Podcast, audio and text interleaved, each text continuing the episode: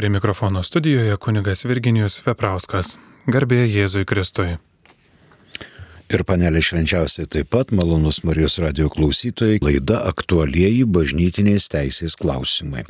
Eikime toliau prie 1284 kanono, kurio nebaigėm aiškyti.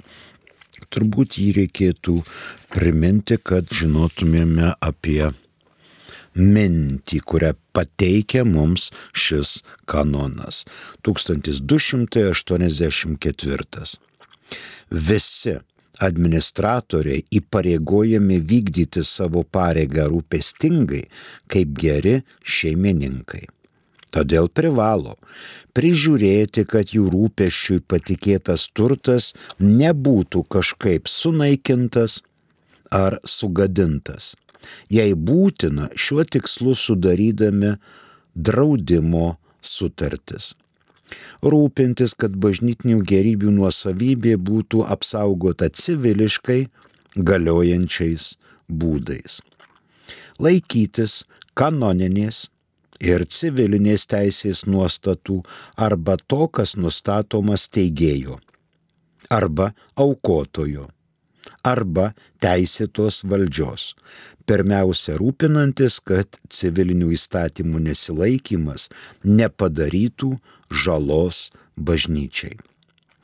Rūpestingai ir tinkamu laiku surinkti įplaukas nuo gerybių ir pajamas, surinktas saugoti ir naudoti pagal steigėjo valią ar teisėtas normas.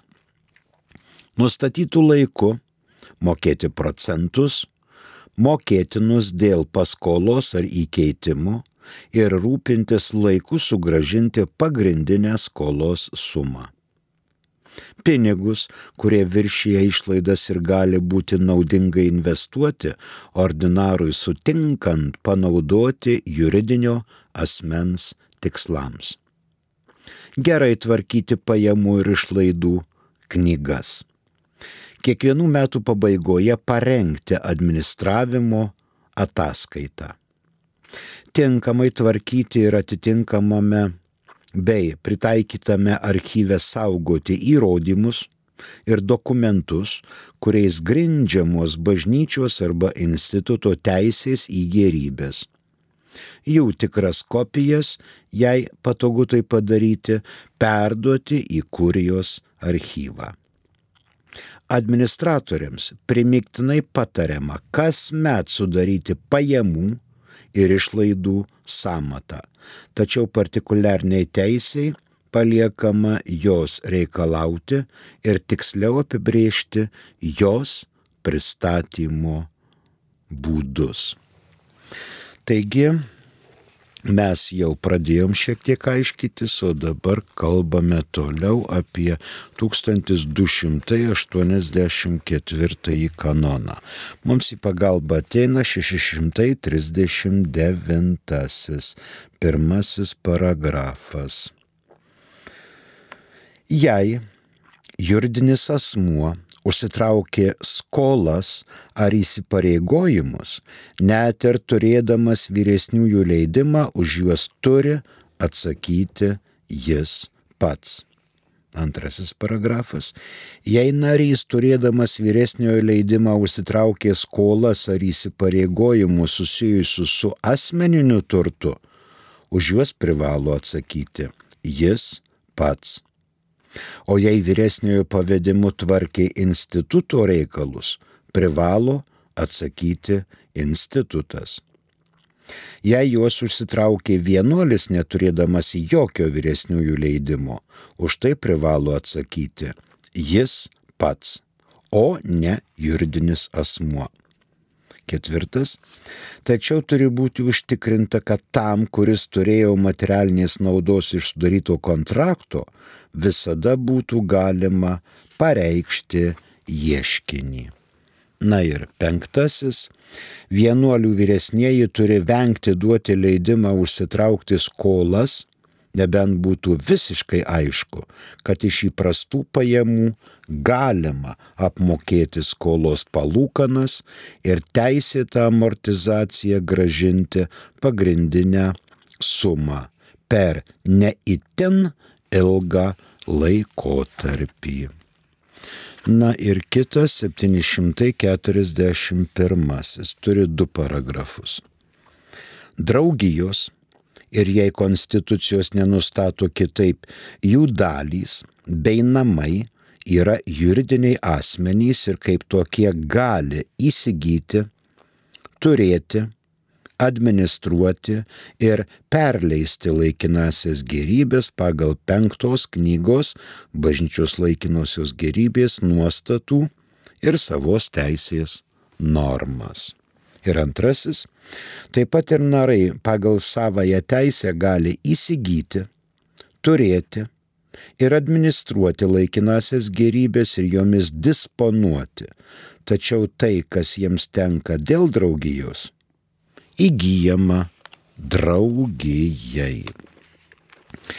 Taigi čia ein, galima kalbėti apie akcijas, obligacijas, investicinius fondus. Kanono turinyje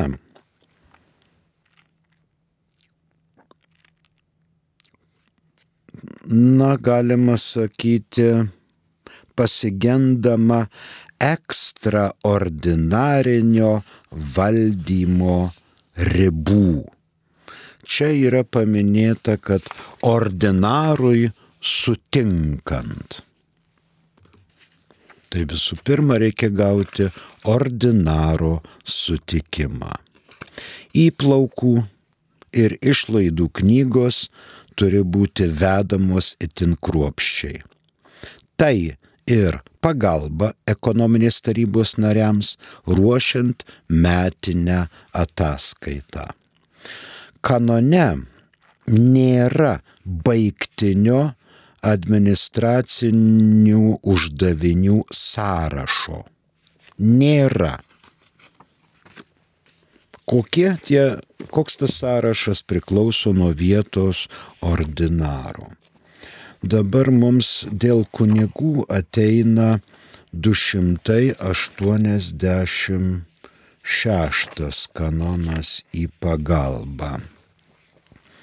Dvasininkams draudžiama asmeniškai ar per kitus užsiimti verslu ar prekybą tiek savo, tiek kitų asmenų naudai, nebent tai leistų kompetentinga bažnytinė valdžia.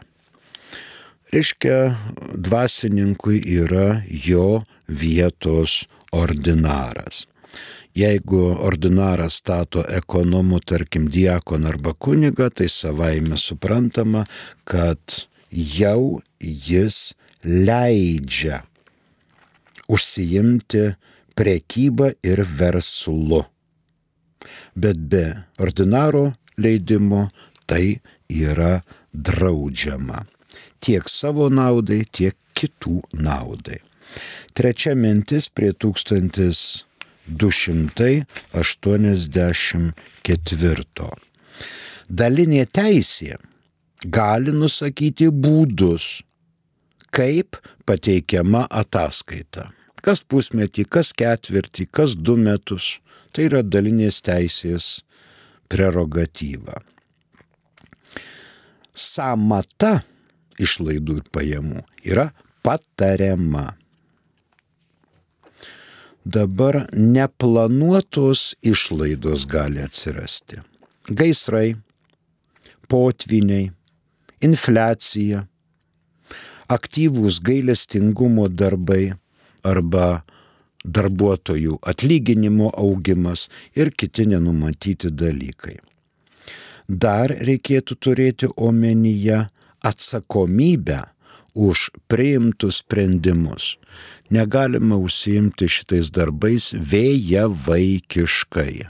Ai, čia ne mano, aš tik tai tam kartui čia ir galiu daryti, ką noriu. Jokių būdų. Bažnytinis, bažnyčios socialinis mokymas turi būti irgi pagrindas administruojant gėrybės. Rytų kanonuose atitikmuo 1284 yra pagrindas 1028 ir dar galima žvelgterėti į 1020 kanoną. Tai jeigu nevarginu, tai dar mes 1284 pafiksuokime. Visi administratoriai pareigojami vykdyti savo pareigą rūpestingai, kaip geri šeimininkai. Na, faktiškai šeimininkai yra geras pavadinimas, bet e, originalė yra kaip šeimos tėvai. Kaip šeimos tėvai.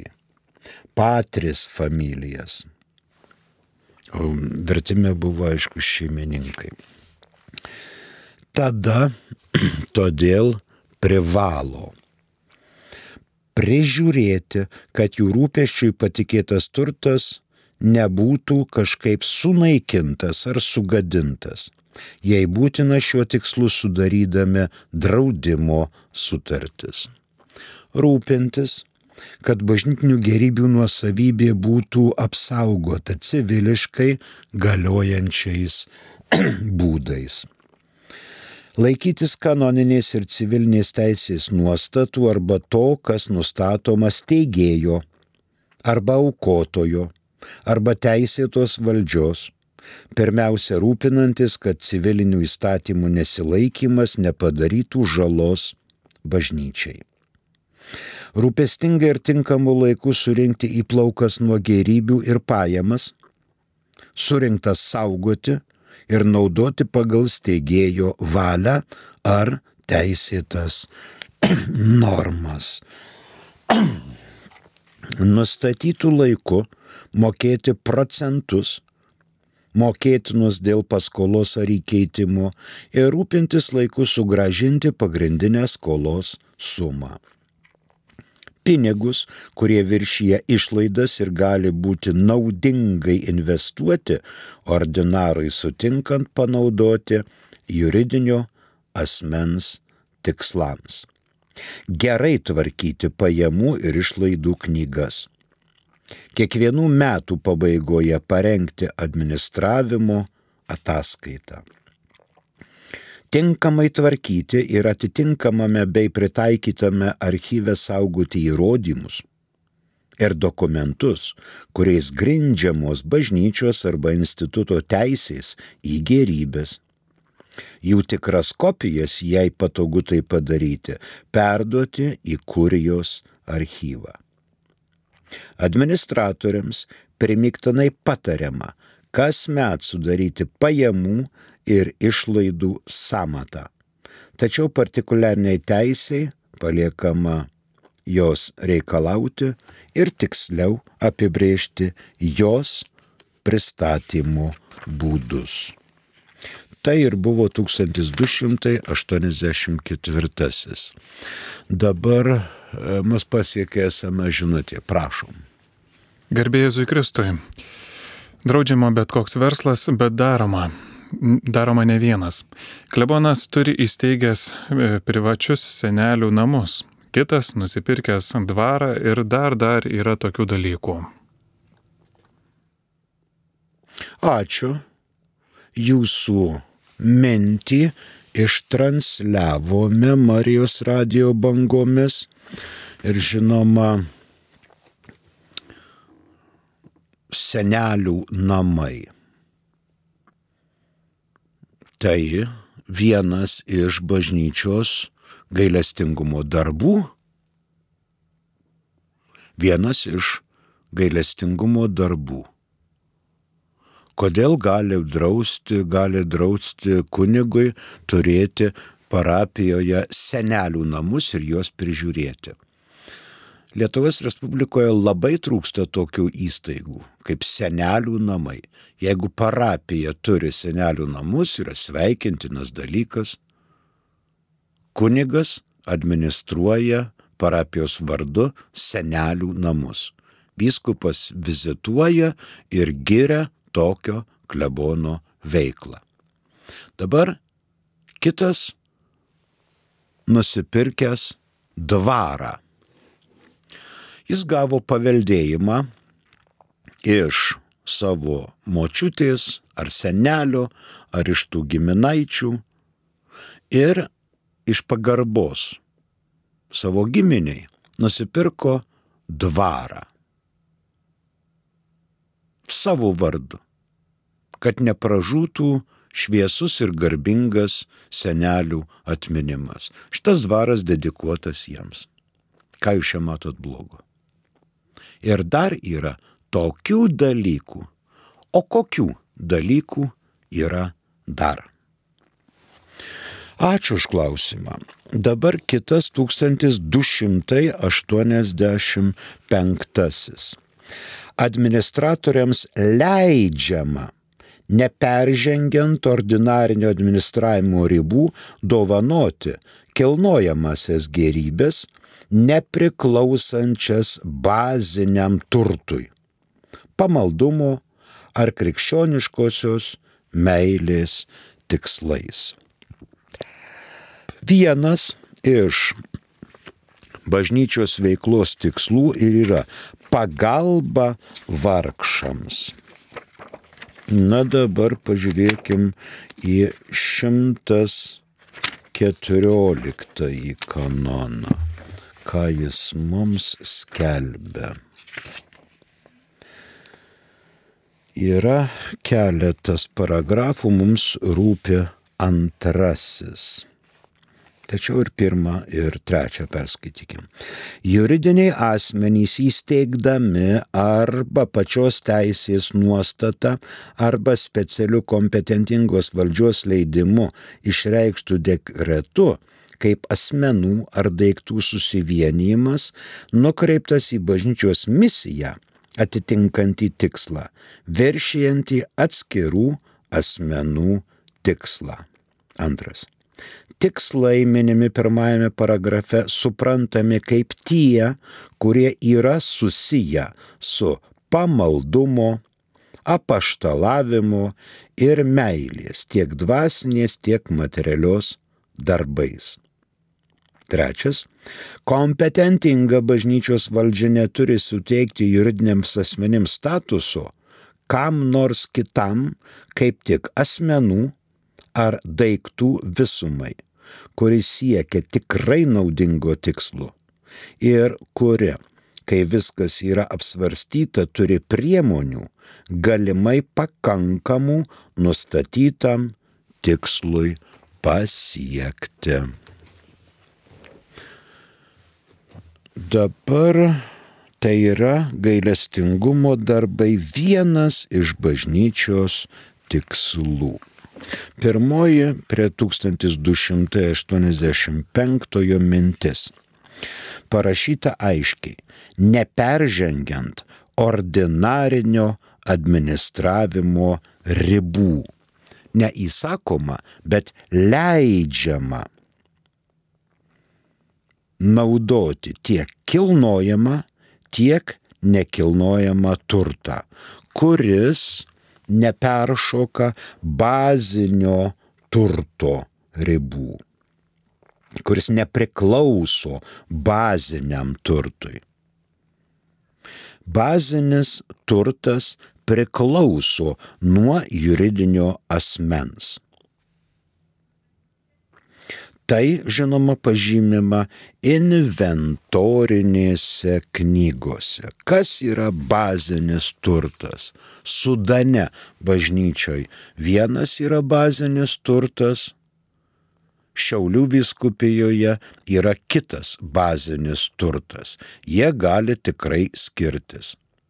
Čikagos viskupijoje, arkiviskupijoje yra vienas bazinis turtas, Šanhajaus vyskupijoje gali būti visai kitas bazinis turtas. Kas yra bazinis turtas, tą apibrėžia dalinė teisė arba dekretais vietos ordinaras. Dabar antra mintis prie 1285. Kilnojamas gerybės galima, leidžiama dovanoti kilnojamas gerybės. Tai visų pirma religinio motyvo ir pamaldumo reikšmės. Kai yra religinis motyvas ir pamaldumo dalykai, ordinaro leidimo nereikia. Ordinariniu būdu administratorius priima sprendimą. O jei viršyje ordinarinio administravimo ribas arba kėsinasi į bazinį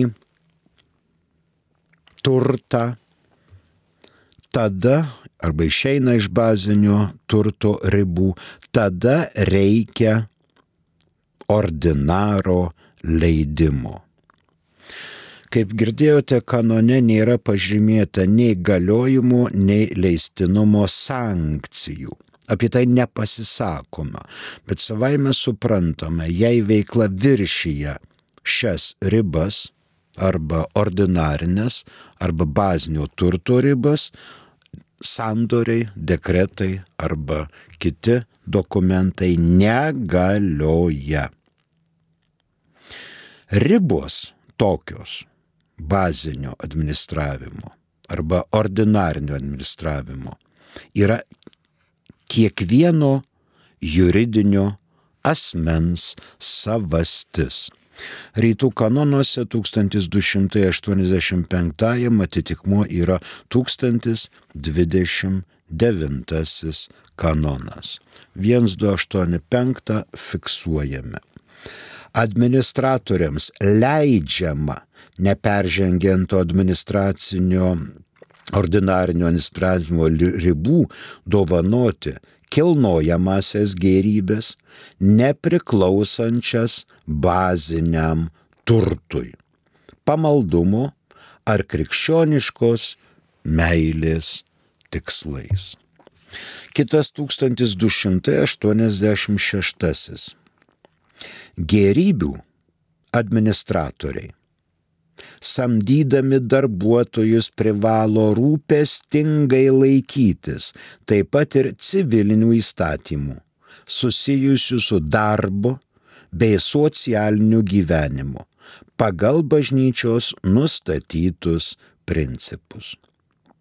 Tiems, kurie dirba pagal sutartį, turi mokėti teisingą ir deramą atlyginimą taip, kad jie galėtų tinkamai pasirūpinti savo ir savo šeimos poreikiais.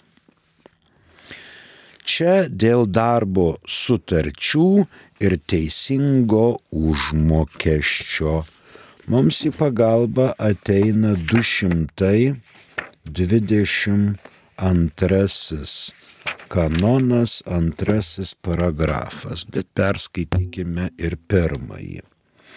Kristaus tikintieji turi pareigą pasirūpinti bažnyčios poreikiais, kad ji turėtų tai, kas būtina dieviškajam kultui - apaštalavimo bei meilės darbams ir deramam tarnautojų išlaikymui. Antrasis Jie taip pat turi pareigą skatinti socialinį teisingumą ir atsimindami viešpaties įsakymą padėti iš savo išteklių vargšams. Padėti iš savo išteklių vargšams. Pirmoji mintis. Aišku, jeigu darbdavys yra, jisai turi pasirūpinti darbuotojo socialiniu draudimu, sveikatos draudimu, žiūrėti, kad būtų teisingai mokami mokesčiai valstybei ir kad galėtų darbuotojas užtikrinti savo ir savo šeimos poreikius. Taip pat turi būti pagarba darbuotojams tiek vyrams, tiek moteriams. Čia eina visokie mobbingai ir priekabiavimai ir taip toliau. Turi būti pagarba darbuotojui. Tačiau šiuo atveju civilinė teisė nėra pirmenybinė. Visų pirma, bažnyčioje žiūrima kanonų teisės ir labai smarkiai atsižvelgiama į civilinę teisę. Jeigu dėl darbuotojų ir sutarčių, tai čia turima omenyje pasauliečiai, o ne dvasininkai. Tarp vyskupo arba ordinaro nėra tokio santykio kaip darbdavys ir darbuotojas. Tarp vyskupo ir dvasininkų yra sakramentinis ryšys, bendra kunigystė. Ir kunigas vykdo tarnystę vyskupijoje, kaip ir diakonas. Todėl dvasininkai naudojasi privilegiją ir vadovaujasi tik tai bažnytinę kanonų teise šituose santykiuose. Kituose santykiuose, žinoma, yra ir civilinė teisė. Bet čia dėl sutarčių dėl darbdavio ir darbuotojo kunigai naudojasi civilinę teisę. Taip pat, bet visų pirma, bažnyčios kanonais ir vyskupo kitais išleistais dekretais. Antroji mintis privalome, administratorius privalo laikytis bažnyčios socialinio mokymo. Į pagalbą ateina 231 kanonas.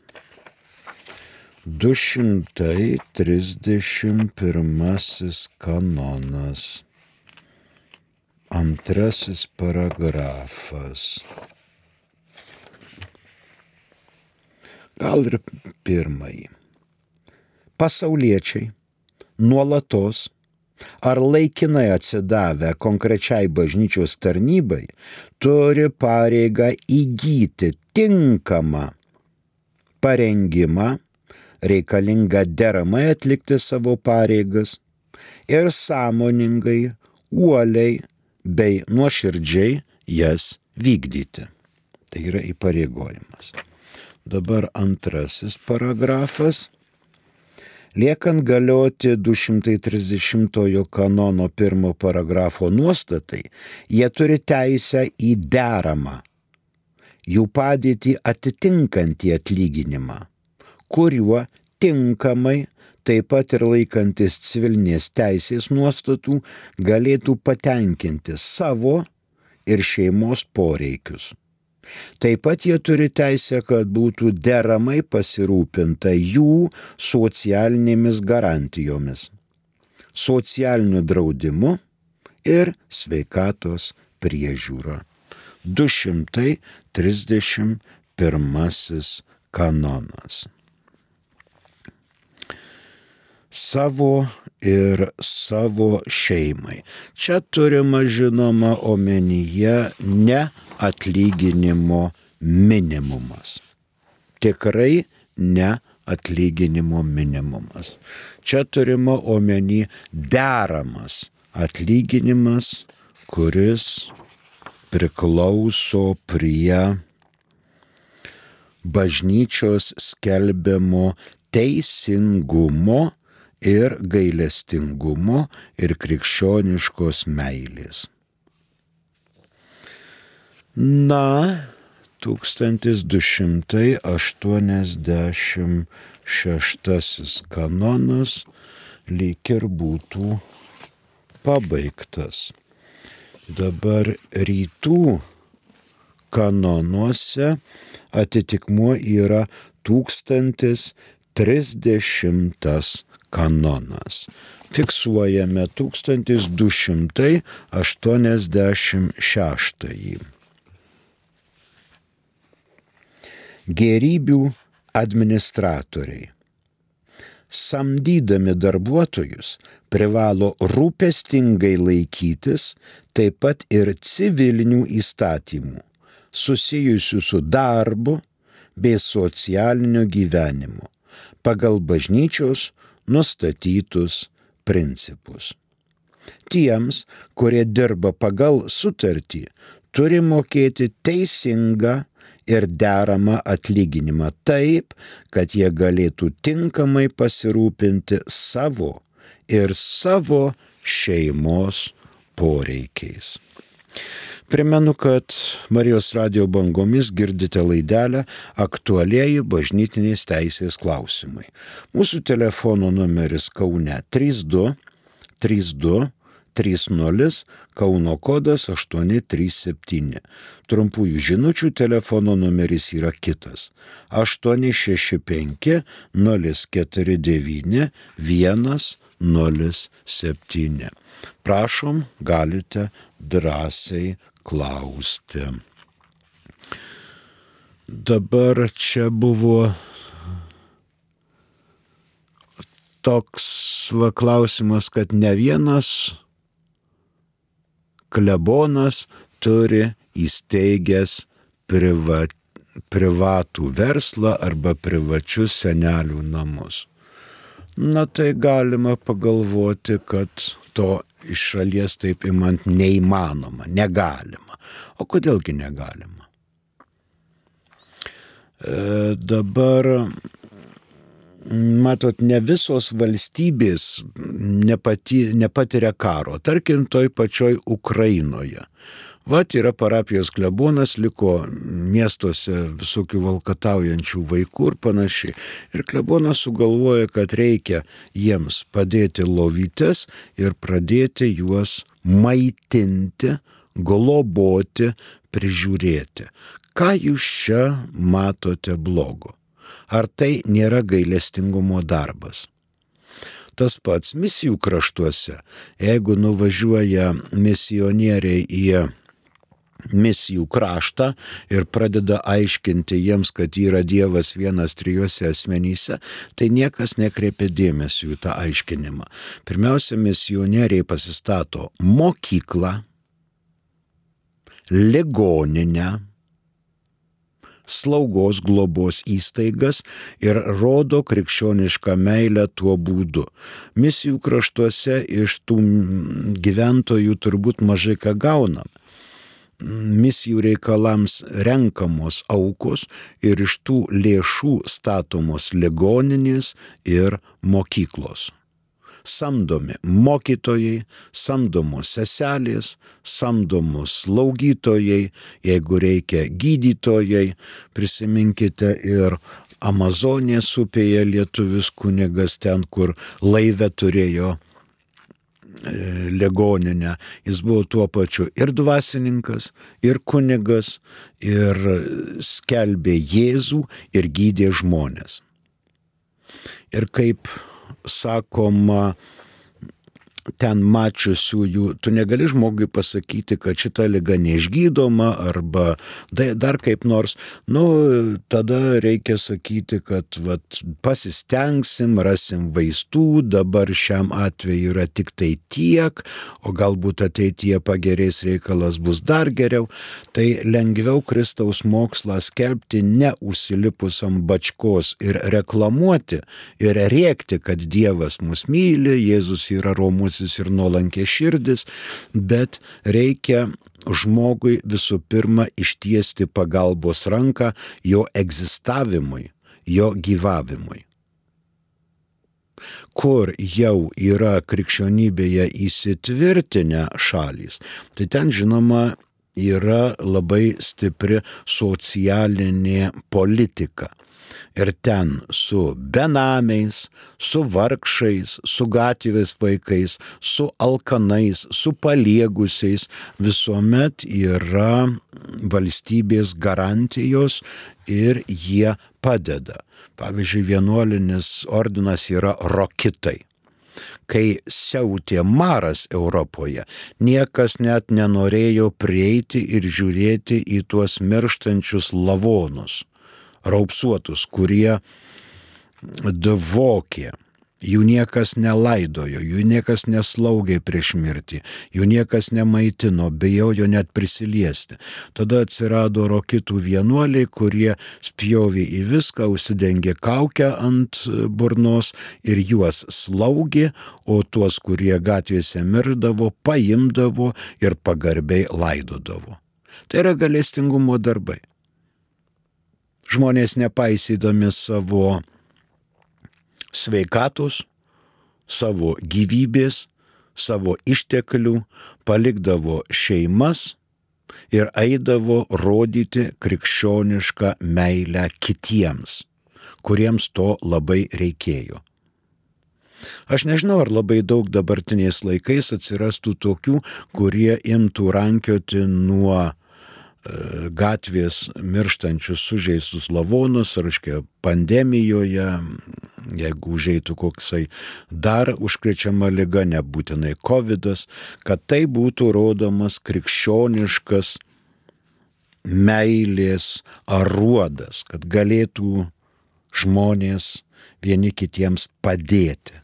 Liežuviu labai lengva, mes jūs mylime, jūs čia tikėkitės Dievo palaimus, arba Dievas jums atlygins už jūsų kalčias, kal, kaltes ir kančias, bet pasilenkti išties pagalbos ranką nesavanaudiškai yra be galo, be galo sunku.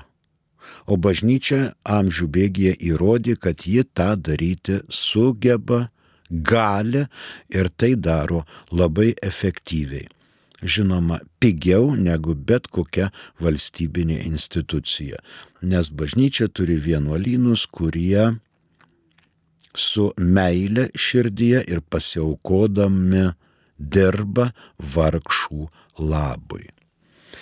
Nenoriu pradėti sekančios temos prie 1287, mes turbūt šitą kanoną ir baigsime tą gražią gaidą.